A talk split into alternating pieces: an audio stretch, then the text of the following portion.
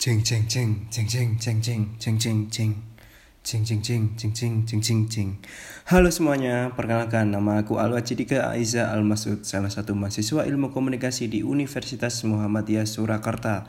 Pada podcast yang pertama ini, aku mau menjelaskan tentang manajemen media televisi yang aku rangkum dari buku manajemen media massa yang ditulis oleh Fajar Junaidi. Nah, Fajar Junaidi ini adalah dosen dari pengantar penyiaran di kelas aku, teman-teman. Dan juga Pak Fajar ini ternyata bonek. Kami ini bonek mania. Kita kita kita aku sama Pak Fajar ini sama-sama bonek. Tapi bonek yang baik nggak asal nyolong gorengan. nah langsung saja ke rangkumannya ya biar nggak lama-lama. Bagaimana sih perkembangan perkembangan penyiaran di Indonesia? Perkembangan penyiaran di Indonesia mengalami lonjakan pesat pasca reformasi pada tahun 1998 dengan bergantinya sistem politik dari otoriter berubah menjadi lebih demokratis yang menunjang perkembangan media penyiaran di Indonesia. Undang-Undang Nomor 32 Tahun 2002 tentang penyiaran menjadi bukti nyata perkembangan penyiaran dan memberi angin segar. Undang-undang ini membagi tiga bentuk penyiaran televisi, yaitu pertama televisi swasta, kemudian stasiun televisi publik, dan stasiun televisi komunitas. Nah, itu tadi perkembangan penyiaran televisi. Lalu kalian pernah gak sih nonton televisi? Pasti pernah dong.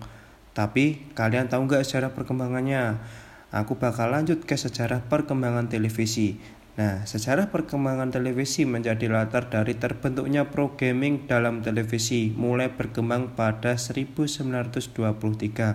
Pada tahun itu, Vladimir Kazrokin mempatenkan tabung gambar televisi yang di dalamnya terdapat ikonoskop Empat tahun kemudian, bersamaan dengan NBC mengorganisir siaran radio jaringannya, Bilo Fastword mengembangkan sistem dan mempatenkan tabung disuktor atau disuktor tube.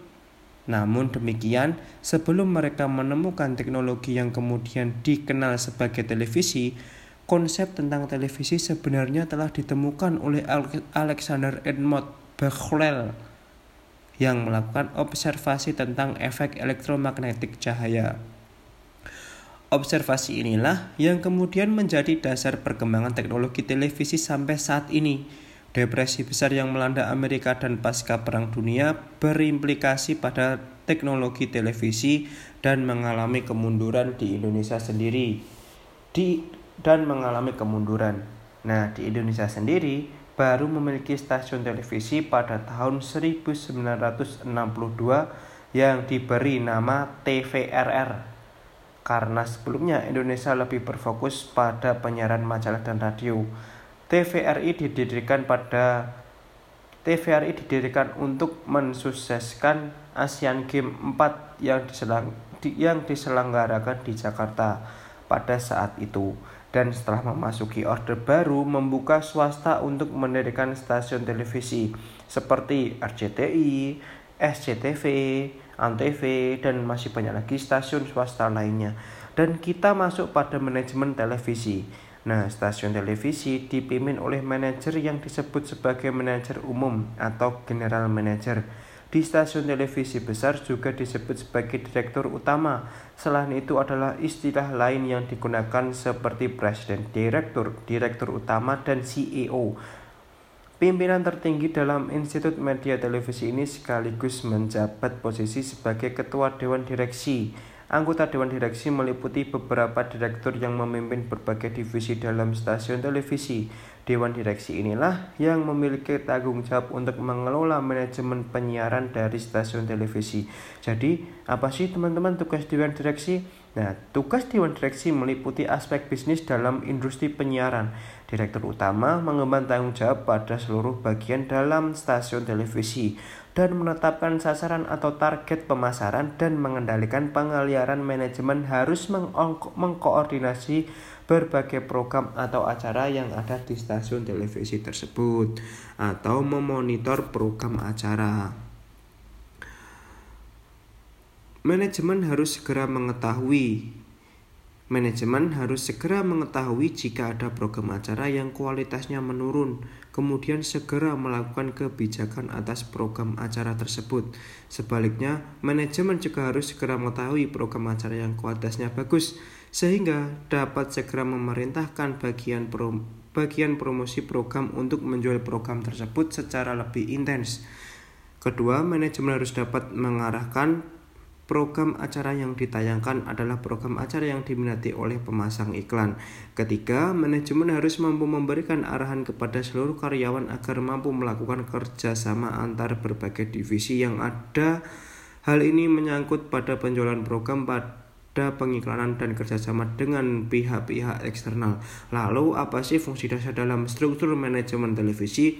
Yang pertama adalah teknik. Bagian ini adalah bagian di mana alat untuk penunjang berjalannya siaran. Bagian teknik harus memiliki kompetensi untuk menghadapi perkembangan teknologi yang digunakan dalam penyiaran televisi.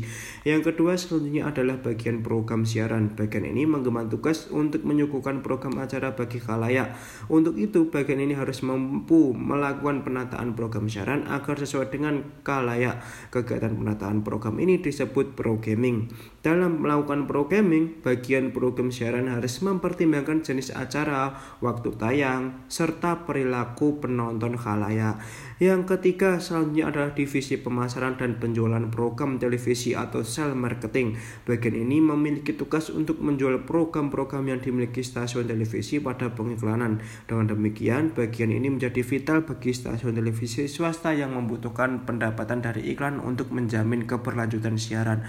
Dan yang terakhir, Divisi lain dalam struktur industri penyiaran televisi adalah bagian administrasi. Bagian administrasi sebenarnya ada di hampir semua struktur perusahaan, baik perusahaan media maupun non-media. Sebagaimana Sebagaimana namanya, bagian ini mengemban tugas dalam fungsi-fungsi organisasi yang berkaitan dengan fungsi administrasi.